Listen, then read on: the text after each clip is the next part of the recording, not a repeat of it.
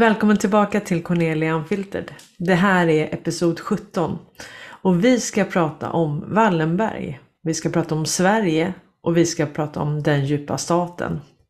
Hur kommer det sig då att ett land i norr, ett litet land, men väldigt, väldigt skarpa, säger Trump. Hur kan det då finnas ett litet, litet land i norr som har så stort inflytande över hela världen? Hur har Stockholmsbyråkratin lyckats sprida sig över hela jorden? Kan man egentligen skilja på Wallenberg, Ericsson, ABB, den här företagskonstellationen och Sverige? Eller är det ett och samma? Och hur kan det komma sig att Sverige har två företag på topp tre-listan över de företag som har betalat ut mest korruptionsböter i hela världen? Det är Ericsson och det är Telia. I en artikel i SvD Näringsliv skriver de Svenska bolag är topp på korruptionslista. Sverige är ett av världens minst korrupta länder.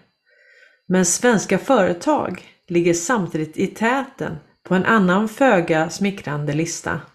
Vi har två svenska företag på topp 3-listan över högst utdömda korruptionsböter i världen, säger Ulrik Åshuvud, ordförande för Transparency International Sverige. Den här artikeln publicerades den 23 januari 2020. Det här har lett till att det amerikanska justitiedepartementet har gått in och bötfällt både Telia och Ericsson. Här fick Telia betala 965 miljoner dollar för deras korruption i Uzbekistan.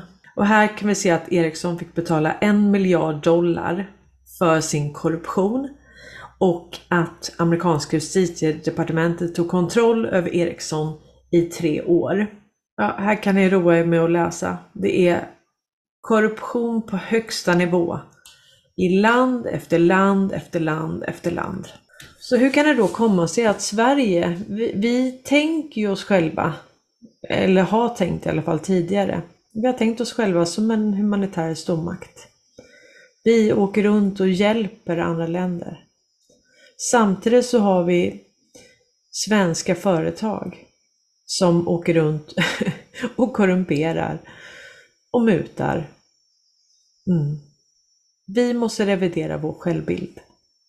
Vad Sverige egentligen är. Frågan är om det går att särskilja Ericsson, Wallenberg, de här företagsintressena med Sverige, alltså Sveriges regering, riksdag, Sveriges styre så att säga. Jag menar, vi har ju statsministrar som åker och gör dealer, säljer JAS-plan och eh, i andra länder. Så tänk om det är så att de här företagsintressena och det svenska styret är så ihopkopplade med varandra. Så att när amerikanska justitiedepartementet här tog kontroll över Ericsson i tre år. Tänk om det inte bara var Ericsson man tog kontroll över. Utan tänk om man bedömde att Sverige, Sveriges regering och riksdag, Sveriges styre är så ihopkopplade med den här företagsgruppen att man tog kontroll över alltihop. Kan man då gå ut och säga att man tog kontroll på alltihop? Givetvis inte. De vill ju inte ha kaos i Sverige eller kaos över hela världen. Så att det här måste ske i det dolda. Och det får mig att tänka på en Q-post. Det här skrev Q 30 april 2020. Då skriver Q så här. Sometimes you can't tell the public the truth. You must show them. A deeply entrenched enemy who controls the vast majority of communications is only defeated by dot, dot, dot, game theory Q. Så det betyder, ibland kan du inte berätta sanningen för allmänheten Du måste visa dem. En djupt förankrad fiende som kontrollerar den stora majoriteten av kommunikation är endast besegrad genom... Punkt, punkt, punkt, spel, game theory, spelteori. Q. Vi vet ju att försvarsminister Hultqvist satt i Agenda, SVTs Agenda och sa att det här är frågor hur den djupa staten ska fungera. Vi ska spela upp det klippet här. Men om vi, inte talar om, om vi inte talar om Ryssland, för det ligger ju nära till hands att fråga då, har du koll på att USA inte avlyssnar danska politiker via de svenska kablarna? Ja, jag säger så här, att så, det, hur, hur, det här läggs upp det är ju sekretessbelagt. Men vi bedriver inte verksamhet riktat mot säga, andra länder i Norden. Vi, vi driver inte säga, någon form av aktivitet riktad mot eh, danska eller norska politiker. För, för den här frågan blev aktuell efter Snowdens avslöjande 2013 och danskarna har ju nu utrett detta och kommit fram till att man faktiskt då har avlyssnat svenska politiker. Har ni säkerställt det i Sverige, att, att det inte sker liknande här i Sverige, att man avlyssnar danskar? Jag har ingen som helst information om att vi skulle bedriva någon form av sådan verksamhet eller att det har ingått i sig något utbyte. Men har ni försökt ta reda på det? Vi har ju särskilda inriktningar som vi har när det gäller hur underrättelseverksamheten ska gå till och hur den ska läggas upp. Men vad de säger, det kan ju jag av förklarliga skäl inte gå in på. Men, borde ni göra en granskning här även i Sverige vad USA egentligen söker på för namn på kablarna här i Sverige? Eh, jag tror så här att man kan ställa väldigt många frågor kring det här. Men vi bedriver ingen med, eh, verksamhet där vi öppnar upp för den här typen av aktiviteter. Men vi kan säga så här att vi har ett underrättelsesamarbete med USA. Vi har haft det mycket länge. Vi kommer att fortsätta med att ha det, så där vill jag vara väldigt tydlig. Eh, sen är det så att vi har väldigt klara inriktningar också till våra myndigheter om hur de ska arbeta och vilka olika typer av värderingar de ska göra. Och det där är ju beslut som fattas i sekretess. Mm. Så vi ska lita på dig då på samma sätt som danskarna skulle lita på sin regering? Om vi säger så här, vi jobbar hela tiden med de här frågorna på ett oerhört seriöst och genomarbetat sätt. Jag går ju själv igenom hur de här inriktningarna ser ut innan de går till myndigheterna. Och det är noggranna, omfattande genomgångar. Så att det här är ingenting som hanteras med, med vänster hand eller är någonting som man inte tar på allvar. Det här är frågor om verkligen hur den djupa staten ska fungera. Så att det här är djupt seriösa frågor. Och då är det så här också, att sker det misstag och kommer det fram saker som inte är bra, då ska man åtgärda det. Tack så mycket Peter Hultqvist för att du kom hit. Tack så mycket. Så när fick då Hultqvist och de andra svenska politikerna reda på att de var avlyssnade? Vi vet ju då att amerikanerna lyssnade på svenska politiker genom danskarna. Vi ska höra här på Karl Norberg. Kan det vara så att de har avlyssnat väldigt mycket, väldigt länge? Nästan rigoröst. Finns det en möjlighet för det? Jag menar, om de har planlagt det här väldigt länge, har de inte gjort slag i saken redan i förberedelseskedet då alltså? Mm. Hur mådde Hultqvist egentligen när han insåg att han hade varit avlyssnad så där väldigt länge? Mm. Vad konstigt. Stefan Löfven, hur mådde han alltså? Tänk den här gången när han sa till John Kerry sådär att ja, We're not drunk yet, Mr State Secretary uh, Kennedy. Ja, utrikesminister Kerry, ja. Ja, vad konstigt. Han sa ju fel, han är dum i huvudet. Ja. Och, och idag, nu kanske det är dags att sluta hålla på och säga att politikerna är dumma i huvudet. Ja. Fool me once alltså. Men sen då, för fan alltså, kom igen nu. Här snackar vi inte två gånger alltså. Vi snackar ett helt jävla 1900-tal och en bra bit in på nästa århundrade också. Ja, det är sådär alltså. Sådär. Det får man nog fan säga helt enkelt. Och ja, det är väl inte sådär äh, jättemycket kvar då egentligen. Vi kan inte bli mer lurade än vad vi är. Och då så att säga gå runt i cirklar och, och ja, göra samma sak men förväntas olika utfall till givna förutsättningar. Det är definitionen på någonting alltså. Någonting inte fullt så smickrande som folk kanske gärna vill göra gällande i det här läget. Det kan vi väl säga också först som sist då. Så har vi i alla fall varit lite vänliga i den delen. Så hur länge har den här militära stingoperationen egentligen pågått? Vi vet ju att redan 2016 så gick Trump ut och sa att det fanns ett företag som hette Ericsson som hjälpte regimer att avlyssna sin egen befolkning. Here is another example of pay for play. In 2009, a company called Ericsson came under U.S. pressure for selling telecom equipment to several oppressive governments, including Sudan, Syria, and Iran. Some of these regimes use those technologies to monitor and control their own people. In June 2011, Hillary Clinton's State Department began adding goods and services to a list that might be covered under expanded sanctions on Iran and other state sponsors of terrorism. During that time, Erickson sponsored a speech by Bill Clinton, paying him 750,000, his highest paying speech. In April 2012, the Obama administration issued an executive order imposing sanctions on telecom sales to Iran and Syria, but those sanctions did not cover Ericsson's work in Iran. A Trump administration will end the government corruption.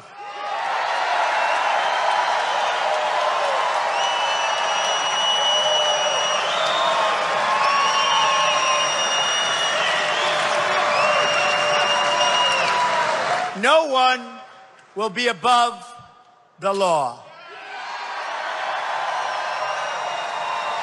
We will have one set of rules for everyone. In Hillary Clinton's world, we have one set of rules for her and another set of rules for everyone else.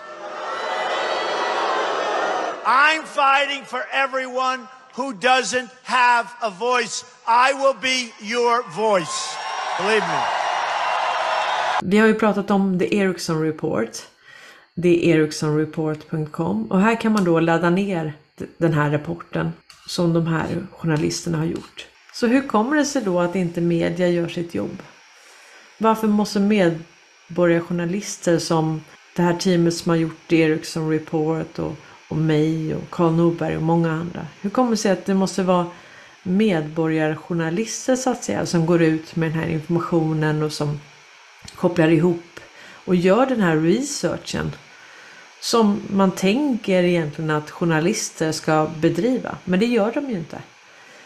Så att vi ska lyssna här på General Flynn när han berättar om den armé som man har byggt upp av digitala soldater som gör research och rapporterar om sanningen. As a, uh, as a general, as a retired general, we have an army of digital soldiers. What we are now, what, what we call, I call them, because this was an insurgency, folks. This was run like an insurgency. This was irregular warfare at its finest in politics. And that, that story will, will continue to be told here. But we have what we call citizen journalists. Okay? Because the, because the, the journalists that we have in our media did a disservice to themselves, actually more than they did to this country. They did a disservice to themselves because they displayed an arrogance that is unprecedented. And so the American people decided to take over the idea of information. They took over the idea of information. And they did it through social media. De här digitala soldaterna, de har kommit till genom att man började publicera information i form av kuposter. Anonymt, ingen visste exakt vem de var, Men det här ledde till att folk blev nyfikna, började göra research och det ena har lett till det andra. I kombination med det så har vi fått en avklassificering av en mängd data, mängd material. Vi har läckor från Wikileaks och vi har Snowdens dokument. Vi har en mängd whistleblowers som har gått ut. Och allt det här i kombination gör att vi har extremt mycket mer information idag. Så om vi då går tillbaka till Ericsson Report så har de hittat en mängd företagsintressen som sitter ihop med Ericsson och muter, korruption i en mängd länder. Libanon, Spanien, Portugal, Egypten och sen har vi då muter, penningtvätt av medarbetare i Angola, Azerbajdzjan, Bahrain, Brasilien, Kina, Kroatien, Libyen, Marocko, USA och Sydafrika. Många gör det här misstaget att de fortfarande pratar om länder. Det är inte länder, utan den djupa staten finns i Ryssland, i Kina, i USA, i en mängd olika länder. I Sverige har vi bara haft den djupa staten. Vi har inte haft något alternativ. Utan här har allt varit likströmt så att säga, konformt. Allting har varit den djupa staten. Det finns ingen politiker, inget parti i Sverige som har på något vis exponerat vad Ericsson och Telia och andra svenska företag har gjort i utlandet. Det har knappt rapporterats om de här korruptionsböterna som svenska företag får betala hela tiden. Vi toppar, vi toppar världslistan på mest korrupta företag. Och ändå så tror vi att Sverige är en humanitär stormakt. Och, och vi tror att Sverige åker runt och liksom läxar upp, hjälper världen med demokratiutveckling och det här är, vi har korrumperat världen. Det är det vi har gjort. Vi har inte hjälpt ett enda land faktiskt. Vi har ju gått igenom att Washington DC kan vara under belägring av den eh, kinesiska militären. Och samtidigt så har vi Kina som gick ut 2019 och sa att svårigheterna de har i sitt land beror på ett fåtal svenskar. Vi ska lyssna på det klippet. De frostiga svensk-kinesiska relationerna har i dagarna fått stor uppmärksamhet från statligt kontrollerad media i Kina som rapporterat om brottslighet, resevarningar och inställda näringslivsdelegationer. Även ett av de styrande kommunistpartiets tyngsta organ har kommenterat läget. Kommunistpartiets mäktiga centralkommission för politiska och juridiska ärenden kommenterade för första gången de svensk-kinesiska relationerna när man i ett inlägg i sociala medier skrev att citat “den senaste tidens svårigheter beror på ett fåtal svenskar som på ett brutalt vis lägger sig i Kinas inre angelägenheter”. Slutcitat. Centralkommissionen är ett av Kinas kommunistpartis tyngsta organ och har i princip ansvar för hela rättsväsendet inklusive polis och säkerhetstjänst.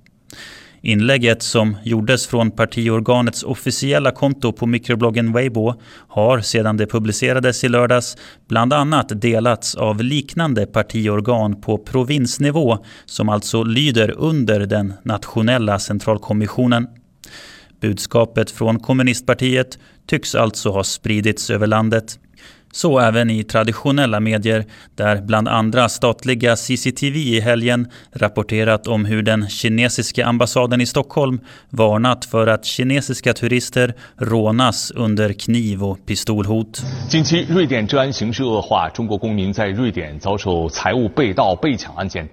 Rapporten grundar sig i en resevarning som den kinesiska ambassaden gjorde i fredags där ambassaden också räknade upp antalet explosioner och skjutningar i Sverige i år.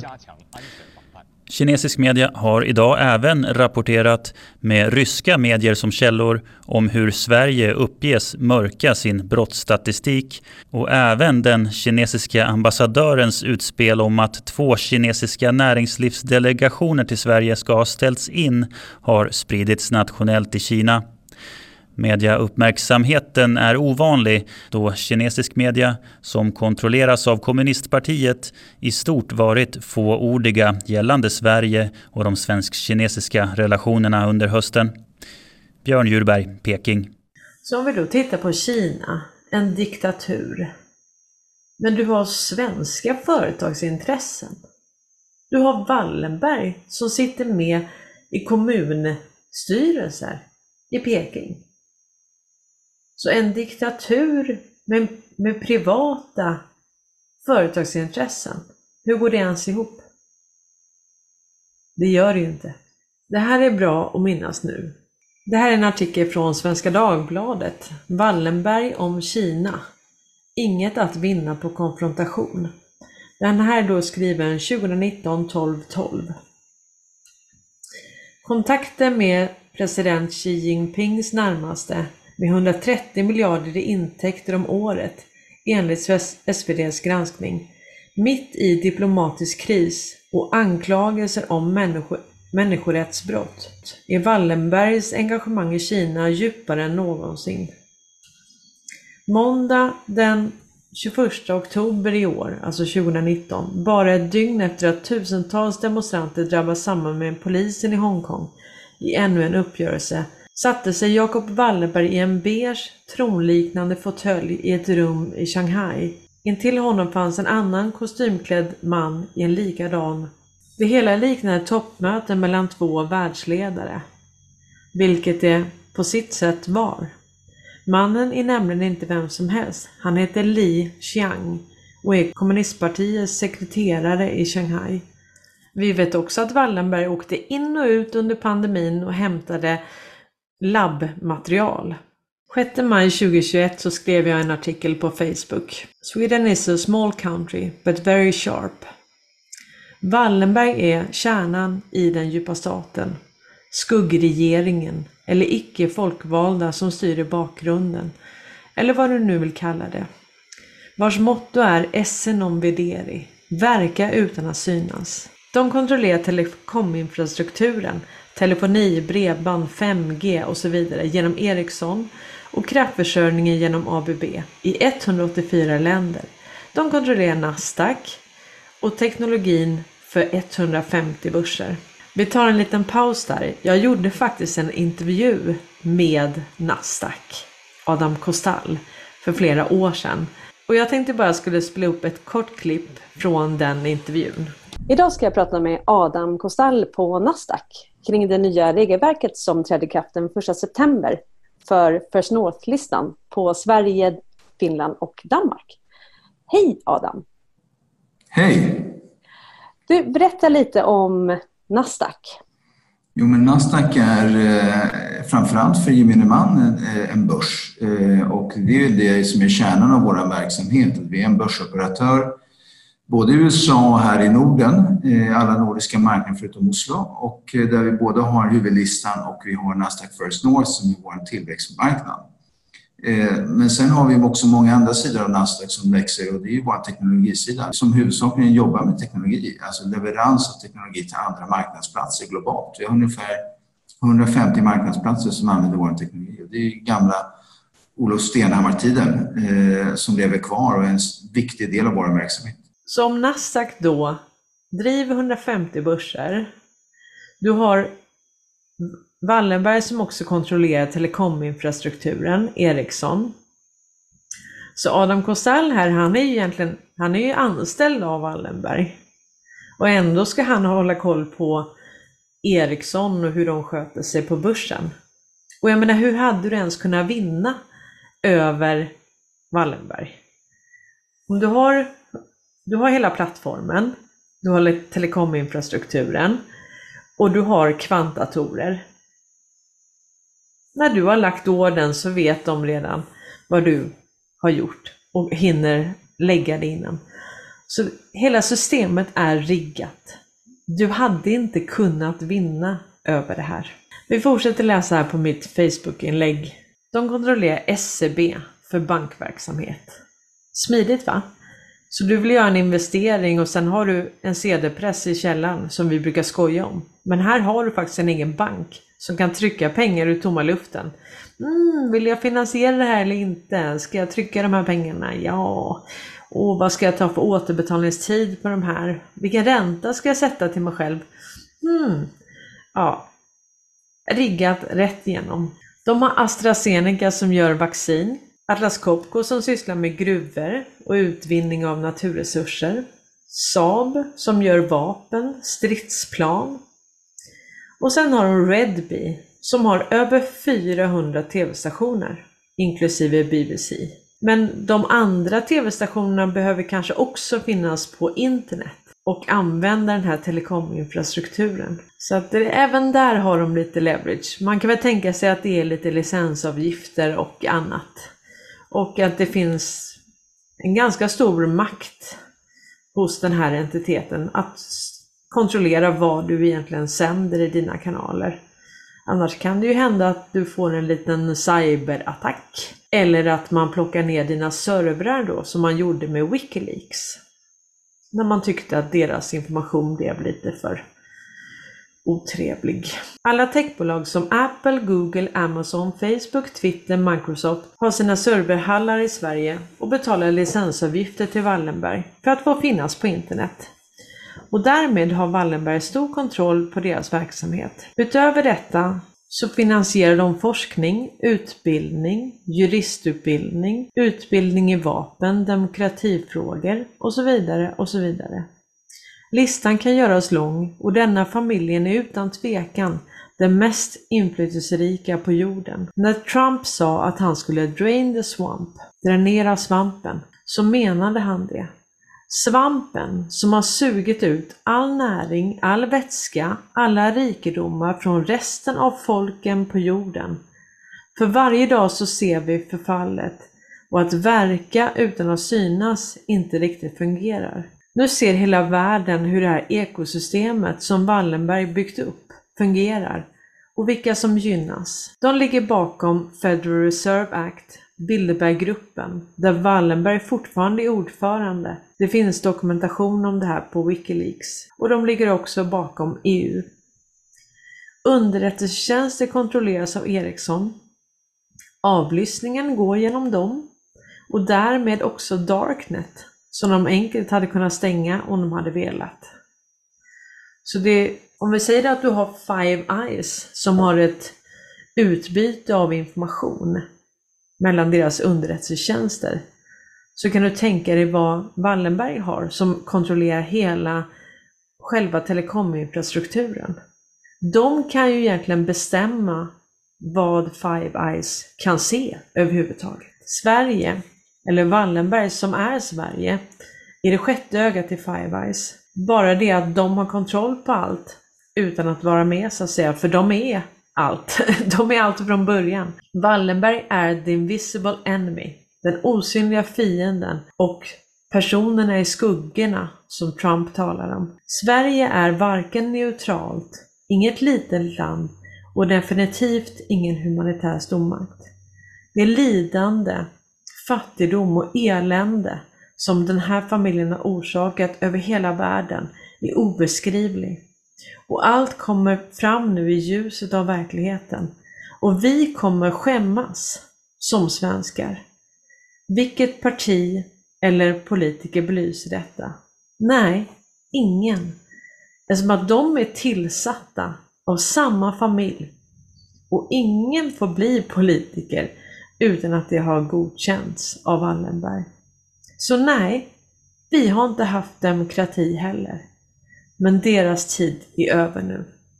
Så här då på Wallenbergs egen hemsida så skriver de så här. Familjen Wallenberg har verkat i företagsamhetens tjänst sedan 1856 och stöttat svensk forskning sedan 1917. More than 100 years ago, a unique vision was created that is recognized today as the Wallenberg ecosystem. This journey began in 1856 when Andre Oskar Wallenberg started Sweden's first private branch bank, Stockholm's Enskilda Bank, known today as SEB.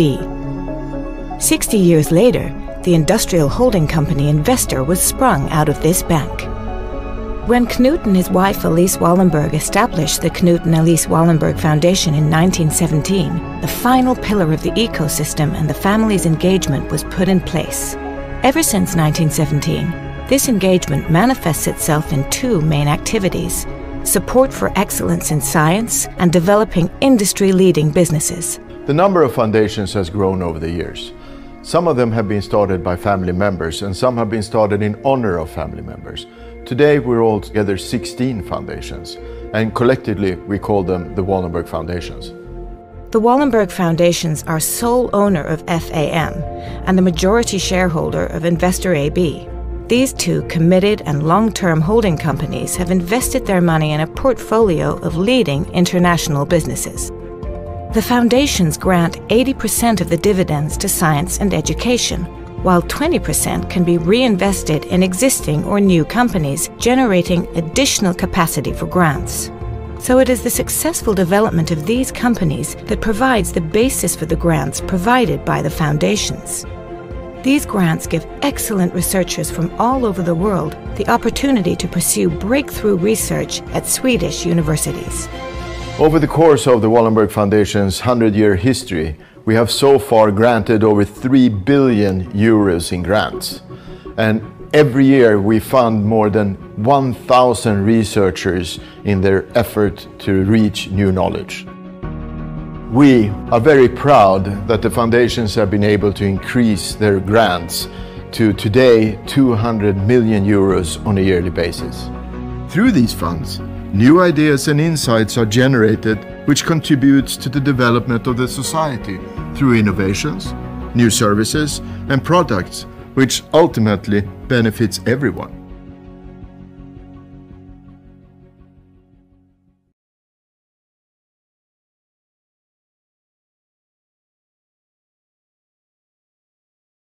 Back to 1917, 1918, that was the big, that was the big plague. Not since 1917 came to that conclusion. Even if you go back into 1917, but 1917. Now, in 1917, had they had the internet and all the means of communication, they could have practiced distancing. I've read about the Spanish flu. That was 1917. I would say since 1917 which was the greatest of them all. 1917, it was in 1917, 1918. The flu is nothing to sneeze at.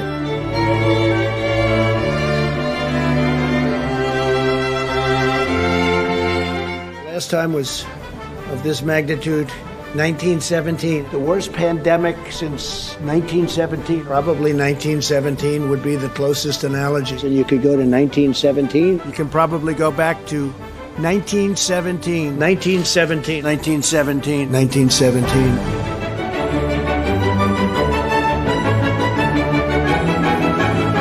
Maybe 1917. Finally, follow up for Mr. Trump. Do you think that tr- trade is where Sweden and US differ most right now? Oh, I think we have very good relationships on trade.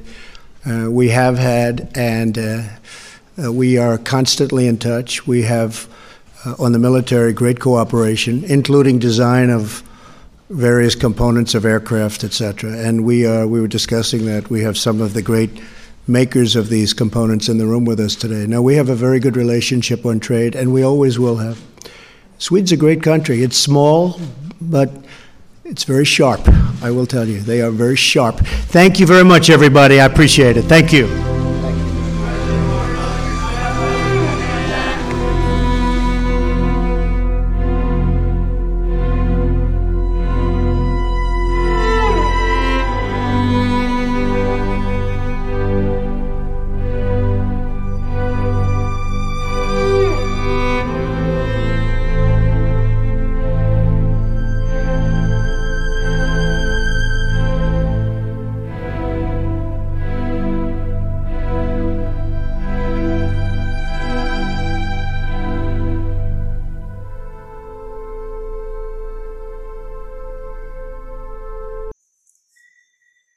Och här skriver de faktiskt.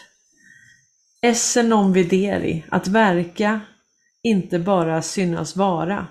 Alltså att verka utan att synas. Marcus Wallenberg senior antog detta valspråk 1931 när han blev Serafimerriddare. Det illustrerar det sätt familjen Wallenberg förhåller sig till sina engagemang, nämligen att pragmatiskt fokusera på att röra sig framåt och lösa uppgiften för handen på ett långsiktigt och hållbart sätt. Här har vi då Jakob Wallenberg, Marcus Wallenberg, Peter Wallenberg Jr. Och apropå Redby och kontrollen över våra medier och narrativet som vi blir matade med så finns här en artikel från 17 april 2008. Alla var där när Wallenberg och Bonnier blev ett. Höjdare från finansvärlden var med och såg när Wallenbergs styvdotter blev fru Bonnier. Emily Eklund Sachs, dotter till Bengt Eklund och Fanny Sachs Wallenberg, har gift sig med Peder Bonnier, son till direktör Carl Johan Bonnier. Emelies mamma Fanny Sachs är numera gift med Marcus Wallenberg som är kusin med Jakob och Peter Junior Poker Wallenberg. Fanny Sachs är i sin tur syster till Daniel Sachs som är VD i Proventus. Deras farfar var son till Josef Sachs som grundade Nordiska kompaniet i Stockholm. Peder Bonniers pappa Carl Johan Bonnier är direktör och styrelseordförande i Bonnierkoncernen. Carl Johan Bonniers farbröder var Lukas och Albert Bonnier. Och vi vet ju att Daniel Sachs också sitter i George Soros Open Societies. Så vi ska se hur det här blev nu. Så du har Emily som har gift sig med Peder Bonnier. Och du har Emelies mamma Fanny Sachs som är gift med Marcus Wallenberg. Och Marcus Wallenberg han är ju kusin då med Jakob och Peter Junior Poker Wallenberg. Och Fanny Sachs är i sin tur syster till Daniel Sachs som är VD i Proventus och som också sitter med i George Soros Open Societies. Så apropå klubb hörni, där inte vi är med. Eh, det här är en klubb.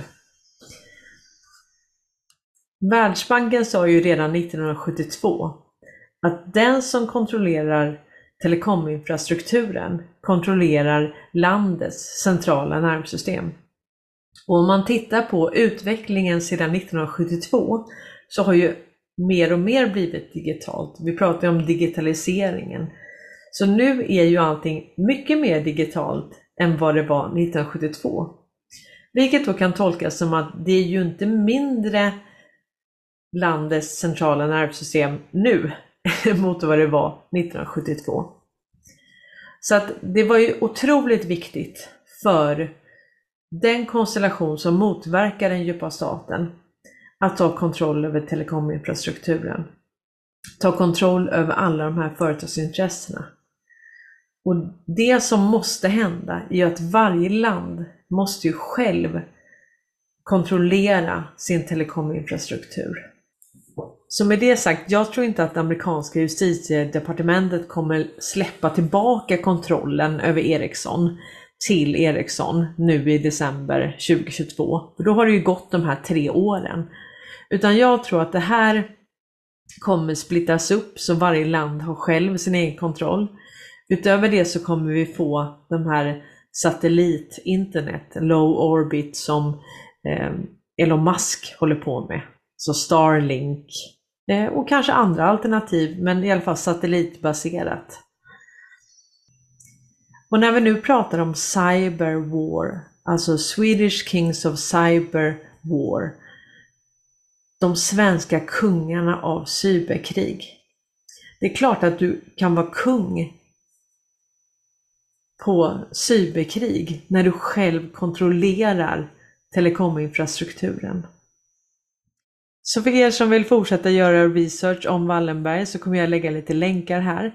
Det är till The Ericsson Report, men också till Sokrates 17, till hans film om Swedish Kings of Cyber War som han så förtjänstfullt har gjort. Och det är viktigt för oss att förstå hur det här hänger ihop. Vi måste liksom lära känna vår fiende. Även om den här fienden till stor del är under kontroll så är det, det här är ändå vår historia. Det här är svenska företagsintressen. Eller Sverige är det ju, för det här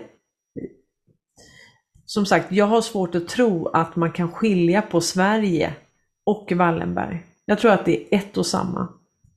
Och vissa säger, ja men det är inte Sverige som har gjort det här, det här är Wallenberg som har gjort det här.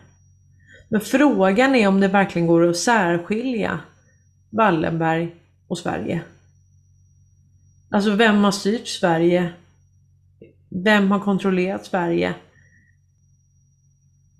Och det är mycket möjligt att när det amerikanska justitiedepartementet tog kontroll över Ericsson 2019 så kanske det inte bara var Ericsson. Det kanske var Sverige. Det kanske är så ihopblandat så att Wallenberg är Sverige. Det är Sveriges styre. Så det är viktigt att vi delar den här informationen, att vi fortsätter göra research och att vi förstår Sveriges roll genom historien. Och jag vill rekommendera er att titta på Karl Norbergs föreläsningar om Wallenberg och den djupa statens framväxt. Då sparar ni extremt många timmar för att liksom lära er de här personerna och hur de samverkade och hur det har växt fram och förändrats över tid. Nu riktar sig alla blickar mot Sverige och vi kommer få göra upp med vår historia. Och det här är någonting som alla kommer veta. När det här folkbildningsprojektet har gått färdigt, eller det här Sting-operationsbaserade folkbildningsprojektet, då kommer alla känna till Wallenberg och Sverige. Det finns inga tvivel om det. Tack så mycket att du har tagit del av den här informationen och tack så mycket för alla gåvor på Swish. Ha det gott nu allihopa!